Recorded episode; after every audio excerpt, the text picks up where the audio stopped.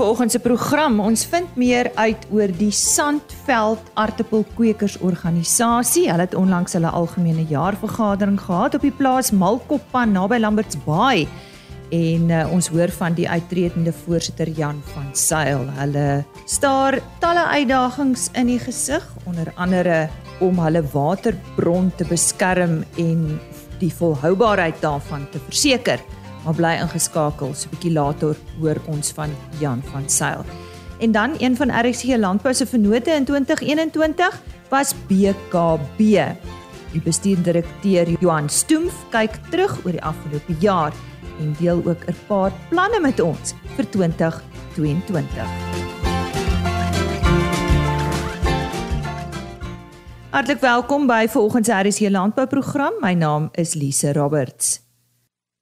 Ons begin met landbou nuus. Die Amantus landgoed naby Dana Bay in die George omgewing het onlangs 'n baal volwasse seibokhaar vir 'n wêreldrekordprys van R620 per kilogram verkoop. Die prys is tydens die 5de seibokhaar veiling van die seisoen behaal. Die beste prys van die dag was vir 'n baal klein bokkiehaar van Mani en Pieter Du Plessis van Oudtshoorn. Hierdie 24 mikron B-lente baal met 'n skoon opbrengs van 90,1% het vir R724 per kilogram verkoop. Verskeie ander wêreldrekords vir sy bokhaar is vanjaar behaal, spesifiek tydens die 6ste somerveiling. En die departement van water en sanitasie het appel aangeteken by die grondwetlike hof teen die onlangse besluit in die voortsleepende waterregte saak. Dit volg op die bevinding deur die appelhof dat waterreghouers sodanige regte mag oordra en daarmee mag handel. Aansoeke vir die oordrag van watergebruiksregte sal gevolglik nie oorweeg kan word voor die uitkoms van die grondwetlike hofproses bekend is nie. En die werkloosheidssyfer is tans op sy hoogste vlak sedert die instelling van die kwartaallikse arbeidsmagopname in 2008. So lui die jongste data van Statistiek Suid-Afrika. Werkloosheid in Suid-Afrika staan dus nou amptelik op 34,9%. Geskoolde landbou in diensneming het egter tussen die tweede kwartaale met 18000 tot 63000 toegeneem. En dis dan die nuus. Ons sluit nou aan by Isak Hofmeyer. Hy is die redakteur van die Stokfarm tydskrif en eh, kom ons hoor waaroor jy in Desember maand se uitgawe kan lees. Dag sê hier uit die Stokfarm hoofkwartier. Ja, die Desember uitgawe is op die rakke en hy bevat weer 'n hele trolly vol waardevolle inligting. Ons voorbladstories gaan oor die bemarkingsuitdagings en geleenthede van veldvleis en dan ook die lesse wat geleer is gedurende die kwai droogte in die Kalahari. Ons plaas hier vergrootglas op die ware koste van veesiektes op die plaas en ons kyk na wetgewing rondom watervoorsiening en verbruik. Dan so aan die voorand van die hooimaak seisoen spandeer ons tyd om die eienskappe van verskillende hooigewasse te bestudeer en ons kyk na die eienskappe van 'n goeie baler. Fasevoeding in die voerkraal. Wat is dit presies en watter voordele hou dit in? Een van ons voedingsspesialiste het vir ons 'n baie goeie artikel geskryf wat die rasionaal agter fasevoeding mooi uiteensit. Dit gaan maar alles oor optimale voeromset. Hoeveel kilogram vleis kry jy vir elke kilogram kos wat jy voer? Groot gewag is ook die afgelope tyd oor genomika gemaak. In 'n baie interessante artikel gee Dr. Japie van der Westhuizen van SA Stamboek perspektief op die rol van genomika in seleksie en wat my veral opgeval het in hierdie artikel is sy sluitingswoorde waar hy die skot professor Mike Coffee aanhaal deur te sê in the age of genotype phenotype is king. Die rol van die oog in seleksie moet nooit onderskat word nie. Voerspasie is 'n ander kritiese aspek van effektiewe dierevoeding, veral onder intensiewe toestande. Hoe moet voerbakke lyk? Hoeveel spasie per dier is nodig? Hoe moet die natuurlike gedrag van diere in ag geneem word? Dis oor hierdie aspekte dat die bekende Dr. Karel Müller van die Universiteit van Stellenbosch skryf. Hoewel hy op melkkoeie fokus, is baie van die beginsels ook op ander diereklasse van toepassing. So dis nog 'n artikel wat definitief moet aandag kry. Nou hierdie is maar 'n paar van die artikels wat ek so vinnig wil uitlig. Daar's nog heelwat ander. Ons kyk byvoorbeeld na die sinvolle meting van telingsvordering op 'n beesplaas, die voorkoming van siektes soos 3-dag stywe siekte en dikkop by skape, die onttrekkingstydperke van verskillende dipstowwe, voorkomende bestuur teen hittestres en lesbes die regsaspekte rondom jaarlikse verlof, vakansiedae en alkoholgebruik by die werksplek. Alle sake wat tradisioneel oor Desember sterk na vore kom. So, dis die Desember uitgawe van Stokfarm. Hy's nou op die rakke. Groetnis. Ons praat weer in die nuwe jaar. Isak Hofmeyer wat daar gesels het oor die Desember Stokfarm tydskrif. Die Sandveld Aartappelkweekersorganisasie het onlangs sy algemene jaarvergadering op die plaas Malkoppan naby Lamberts Baai gehou. Ons vind nou meer uit oor hierdie organisasie en aan die woord is die uittredende voorsitter Jan van Sail. Ons wou by hom weet wie is die Sandveld Aartappelkweekersorganisasie en wat doen hierdie organisasie vir sy lede? En ook of daar nuwe verwikkelinge in die pipeline is. Die Sandveld Aardappelkweekersorganisasie op sommer kort genoem SAKU is verdien weer verdien borg al die aardappelboere van Darling in die suide tot by Vredendal in die noorde. En dit is 'n organisasie wat eintlik funksioneer onder die ehm um, regulasies van Aardappel Suid-Afrika, maar ook het hierdie organisasie die mandaat om uh, sy eie bankrekening te open en sy eie mense aan te stel. En omdat ons uh, in die Sandveld redelik ver verwyder is met die Karoo tussen en in die res van die land is ons plan om hierdie organisasie verder uit te brei sodat hy ons kan ondersteun en ons produsente kan ondersteun en kan bystaan en dat ons die waterlisensies of 'n kanaal kan kan vestig met ons uh, verskillende staatsdepartemente onder andere waterwese om uh, ons waterlisensies vinniger uitgesorteer en opgelos te kry. So ons is ook besig met 'n EMF proses. COVID het hom nou 'n bietjie gestop. Die EMF proses beteken die Environmental Management Framework. Dit is 'n heel nuwe proses waar dan gekyk word na wat is die ontwikkeling op 'n plaas en wat is die mondelike ontwikkeling verder, wat is die waterbronne beskikbaar, hoe ehm um, sal dit verder gehanteer word indien daar verder ontwikkeling sou wees en wat is areas wat gebruik kan word en nie gebruik kan word nie. Uh dit is in samewerking met departement landbou en samewerking met departement van omgewingsake. Maar hy is op hierdie stadium nou 'n bietjie kort breek met ehm um, COVID wat gewees het. Maar dit is ons plan voorkant toe om ons organisasie 'n bietjie meer uit te brei dat hy vir die boere meer kan ondersteun en assisteer binne dit wat Aardappel Suid-Afrika as 'n bedryfsorganisasie nie vir nou vir ons op hierdie stadium kan bied nie. Water is een van ons skaarsste hulpbronne en dit bly 'n uitdaging om water volhoubaar te benut. Maar hoe lyk die situasie nou by hulle veral na die aantal droë jare in hulle gebied en wat doen hulle om water meer doeltreffend te gebruik? Water is een van ons belangrikste hulpbronne wat moet beskerm word en meer effektief moet benut word oor die jare voorkant toe om volhoubaarheid van produksie van landbougewasse te verseker. En ehm um, Ja, ons uh, is bevoorreg dat ons die vorige jaar ehm um, baie naby aan gemiddelde reënval in ons streek gekry het en dit het gemaak dat ons meer afloopwater kan kan hê vir ons vlei lande. Die jare voor dit toe dit droog gewees het, was daar minimale afloop. Ons het 40% onder gemiddeld vir uh, eh, 5 jaar gehad en dit het redelik druk op die bogrondse water gesit. Die ondergrondse water is uh, redelik stabiel. Daar is 'n klein bietjie afname in watervlakke. Ons uh, kan wel sien dat daar 'n bietjie verswakking is in die kwaliteit wat dit beteken die electric conductivity het um, het 'n bietjie verswak. Ons is nog nie seker wat die rede daarvoor is nie. Dit kan wees dat daar omdat daar minder water is, neem die water meer die eienskappe van die formasie aan waarbinne dit vloei um, of dit kan heel moontlik loging wees. Ek betwyfel dat dit loging is.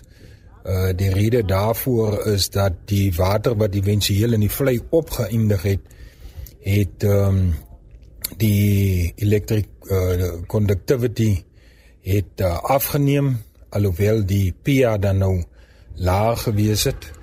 Maar soos ons ook nou al gesien het, as dit droog is, dan is dit 'n normale tendens en soos dit voorkant doen sal meer reën, wat ons glo dit sal meer reën.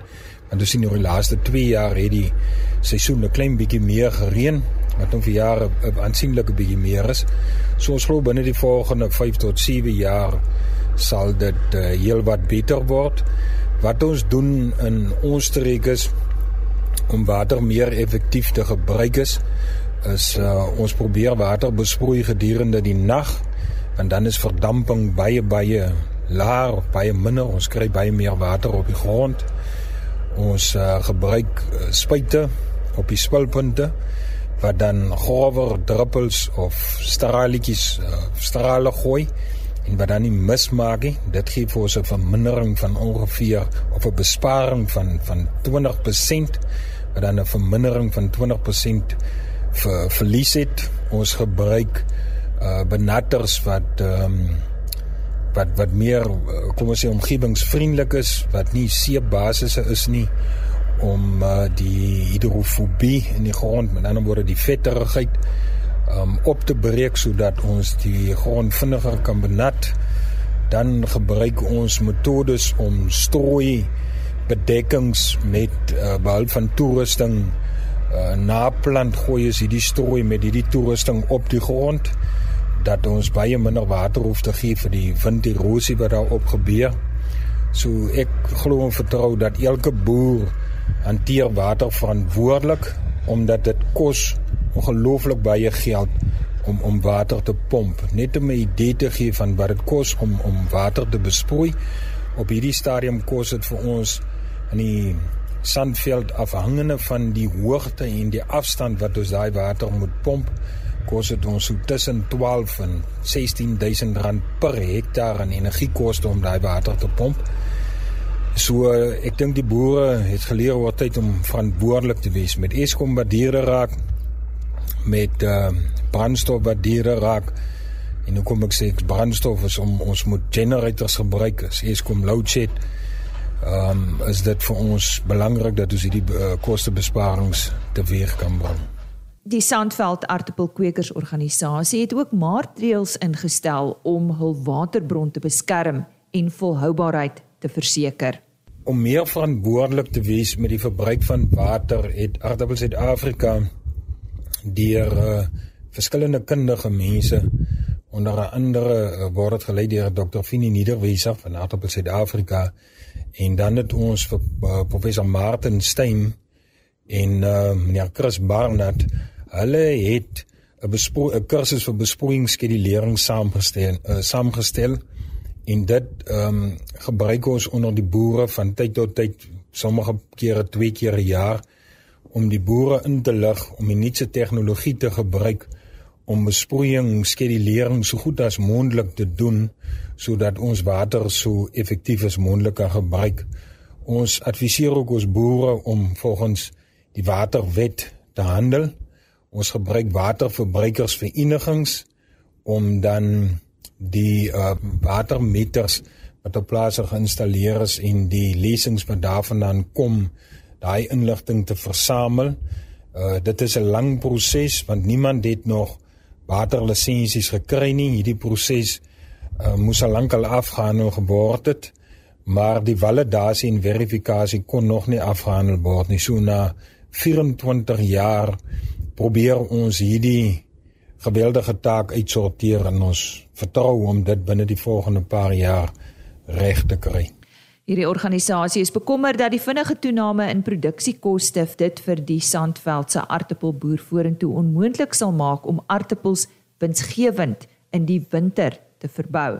Jan van Sail het genoem dat hy veral bekommerd is oor die hoë brandstofpryse omdat hulle nou met die kragonderbrekings meer van kragopwekkers gebruik moet maak. Die hoë brandstofkoste en ook ander se insetkoste wat met tot 50% kan toeneem, is nie net tot hulle nadeel nie, maar die verbruiker kan ook daaronder ly. Ons is redelik bekommerd oor die brandstofprys. Ehm um, ek persoonlik voel dat uh, regulering van brandstof en die astronomiese heffings wat daar op brandstof is deur die regering her ondersoek of herbesin moet word. Ehm um, brandstof maak nie net dit uh, vir 'n produsent baie duurder om te produseer nie, maar alles wat vervoer word na die plaas van die plaas na die ehm um, uh, distribution centers toe van die distribution centers af na die winkels toe. Um, dit jaag ongelooflik die die koste op uh, en nie net vir die produsent maar ook vir die verbruiker op die einde van die dag. En ehm um, dit is vir ons ook 'n bekommernis dat ons éventueel met al die koste sal voedsel op die rakke hê, maar wat wat wat ek wil nie sê onbekostigbaar gaan wees nie, maar wat so duur gaan wees dat mens ehm um, dit sal sukkel om dit te kan bekostig. Ons sit in 'n in 'n kosteknyptang posisie al vir heelwat jare en ons het alle moontlike maniere as produsente gebruik om by hierdie kosteknyptang uh verby te kom soos groter masjinerie en ons ehm um, koop 'n groter maat ons in en en en ons probeer ons het oor gegaan soos ek vroeër gesê het na na na Rora Flex toe wat vir ons goedkoper energie gee. Maar op hierdie stadium voel ek ons is redelik baie naby aan die eind van daai pyplyn van verandering. So met die huidige uh, opwaartse neiging van kunsmis en van landbouchemikalieë, um, ek is konservatief as ek sê 'n 50% verhoging in produksiekoste wat op hierdie stadium ehm um, meer geld uh die ekwivalent van meer geld is as wat ons per hektaar gemiddeld wins maak uh oor 12 maande. Ons groot krisis kom in die wintermaande want in die wintermaande kos dit dieselfde geld om 'n hektaar aardappels te produseer, maar ons uh, opbrengs of uh, tonne maat per hektaar is die helfte in die winter as in die somer. So mense kan nou dink omdat ons in 'n in 'n winterreënval streek is, ons gaan minder water pomp sodat moet koste 'n goedkoper wees, maar Eskom se tariewe in die winter is hoër. So ons betaal meer vir 'n kilowattuur energie in die winter as wat ons in die somer betaal. So dit sal vir die produsente baie moeilik wees en ek glo bykans onmoontlik wees om aardappels alhoewel ons dit kan produseer, maar nie koste effektief kan produseer nie. Sal dit die 'n verlies geproduseer moet word in die winter tensy daar drasties minder geproduseer word in die winter sodat daar 'n um, onnatuurlike tekort of dan 'n tekort op die markte sal ontstaan wat dan die prys sal moet opstoot omdat ons in die vrye markstelsel is. Nou dit is 'n ongesonde plek om te wees want ons glo ons wil aardappels verbou met goeie kwaliteit, bekostigbaar en volhoubaar. En as die prys te hoog is, dan is dit nie meer koste-effektief nie. En dit is maar die kommer rondom hierdie hoë verandering in pryse. Dit was aan die uitredende voorsitter van die Sandveld Aartappelkweekersorganisasie Jan van Sail wat uh, oor hulle uitdagings gesels het tydens hulle tydens hulle onlangse algemene jaarvergadering op die plaas Malkopan naby Lambertsbaai.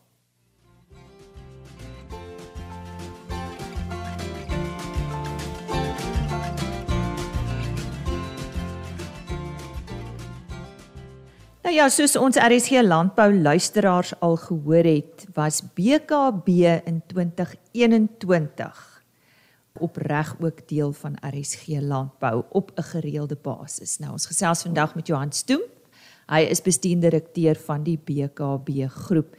Johan, ons staan nou aan die einde van 2021. Kom ons kyk so 'n bietjie terug.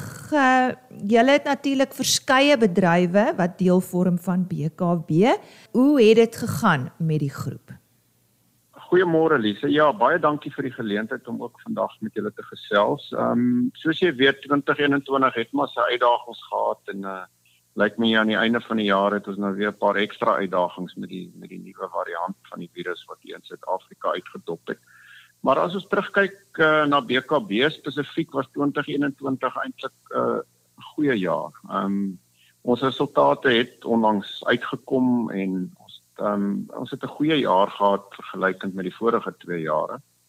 Ehm um, en ek dink ons sien dat die handelskondisies in die algemeen nog steeds baie gunstig is vir landbou. As ek so 'n bietjie meer in detail kan gesels oor die verskillende bedrywe.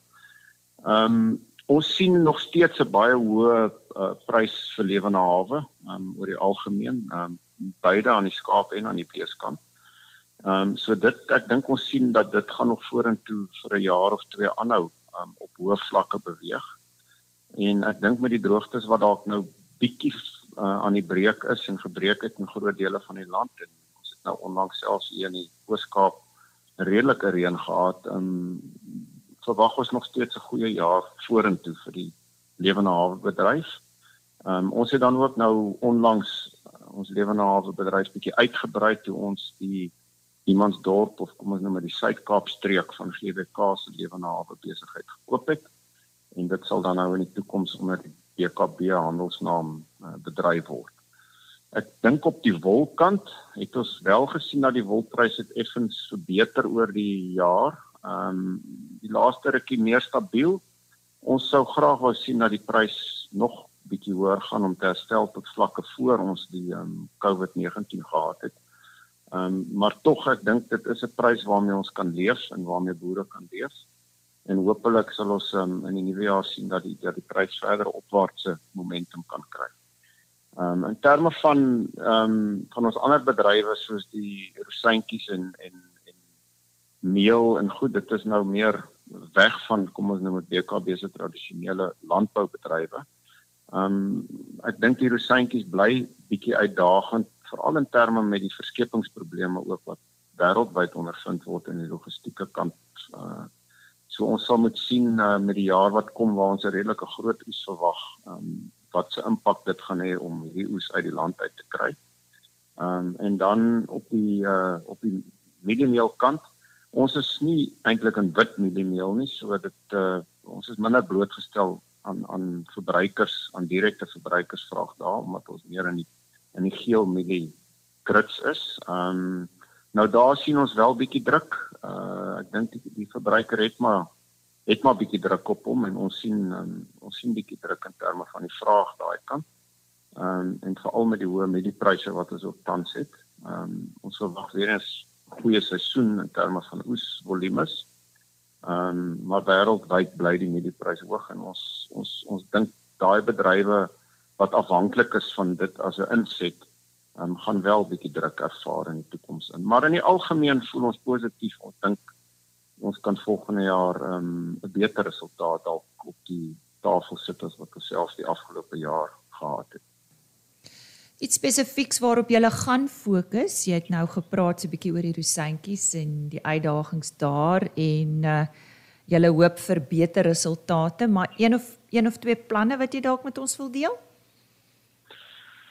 Ja, Lisa, ek dink die ehm um, as jy kyk na BKB oor die afgelope 3 jaar, is dit maar 'n konsolidasie ehm um, tipe van strategie gewees. Ek dink uh, daar was twee moeilike jare wat die balansstaat ook onder druk geplaas het. Ehm um, dit het ons ten minste nou omgedraai en ek dink ons spandeer nou 'n re redelik baie tyd om seker te maak dat ons die regte portefeulje van besighede het um, om in die toekoms in te gaan. En dit mag dalk beteken dat ons van hierdie besighede uh laat gaan en dit mag ook beteken dat ons ander besighede gaan inkry in ons portefeulje in. So ek dink in die volgende 2 jaar sal ons 'n klein bietjie van 'n herbalansering sien van die besighede waarna ons betrokke is. Ehm um, maar ek dink die strategie bly maar nog steeds om eerder te kyk na kleiner oornames soos die GWK oorname nou in die gebiede en die areas waar ons wel weet hoe daai bedryf werk. Ehm um, so ek dink ons is nie nou op 'n plek waar ons ewe skielik heeltemal nuwe besighede in die ding sal inkom. Dit sal waarskynlik konsolideer rondom die tipe besighede waarmee ons nou besig is en om om hulle beter en sterker te maak. Johan, dan danksy die hele waardeketting sou julle nie gewees het waar julle vandag is nie. Ons dink maar aan uh, die personeel, dan dink ons aan julle direkte kliënte en ons dink aan die verbruiker. So dalk net 'n boodskap vir daardie mense om jy af te sluit. Ja, Lise, dis altyd 'n landboubesigheid sê ek altyd is is is bietjie anders as 'n uh, gewone, kom ons noem dit 'n gewone kommersiële besigheid want ons sit baie keer met twee kliënte. Jy sit met die verbruiker of die die ou wat jou produk verbruik en koop. Mm maar jou verskaffer wat die boer is, is anders as 'n suiwer kommersiële verskaffer want hy is in 'n sin ook jou kliënt. En ek dink 'n suksesvolle landboubesigheid is altyd een wat die twee se belange kan bymekaar bring en balanseer sonder dat die een voel dat die ander een voordeel trek daaruit. So dit is belangrik vir my om vir albei kante ook baie dankie te sê vir die besigheid wat die afgelope jaar gedoen is. Um ek dink van beide die verskaffers, die die produsent verskaffers, maar ook ehm um, die maatskappye wat die produkte koop wat ons wat ons maak. En dan ook uh, natuurlik die mense wat die twee bymekaar hou en dis ons personeel wat tussen die twee staan. Ehm um, baie groot bydraes gelewer en baie opofferings gemaak en die COVID het maar 'n effek op ons personeel ook gehad. Ehm um, en ons het 'n hele klompie personeel ook verloor in die jaar wat verby is wat dit baie hartseer maak. Ehm um, en wat die wat dit moeilik maak om die moraal altyd hoog te hou. Maar ek dink WKB is trots op sy personeel wat baie toegewyd is en regtig in hierdie tye um, het ons geen probleme gehad om mense te kry om om te kom werk om regtig alles in te sit. So ek wil graag vir al drie daai groepe baie dankie sê en ook 'n uh, voorspoedige nuwe jaar en 'n Kerstyd toewens um, en ook 'n veilige Kerstyd nou met die nuwe siekte toestande wat ons nou weer ervaar. En uh, ons sal mekaar in die nuwe jaar sien en dan gaan ons dan gaan ons weer die uh, die uitdagings verder vat en ons gaan het, ons ons ons gaan van krag tot krag gaan. En daardie woorde van dank en bemoediging is van die bestuurende direkteur van die BKB groep Johan Stoemf. En dis dan tyd om te groet. Môreoggend op RSG Landbou, die nasionale SA landbou skrywers het onlangs ook hulle toekenningsgeleentheid aangebied daar in die Wes-Kaap. Een van die toekennings was vir die landbou persoonlikheid van die jaar. En vir die wat vir Christe Tooi kan onthou wat vir talle jare by georganiseerde landbou betrokke was, onder andere by Agri SA, Agri Wes-Kaap en tans nog steeds erelid is by verskeie organisasies, praat met ons oor sy loopbaan, liefde vir landbou en sy spesiale band met wyle president Nelson Mandela. Dis môreoggend op RSG Landbou. Ons eindig met ons uh, webtuiste indien jy graag weer na een van die onderhoude wil gaan luister. Dit is www.agriorbit.com. En ons e-posadres rsglandbou@plaasmedia.co.za. Totsiens. RSG Landbou is 'n plaasmedia produksie met regisseur en aanbieder Lize Roberts en tegniese ondersteuning deur Jolande Rooi.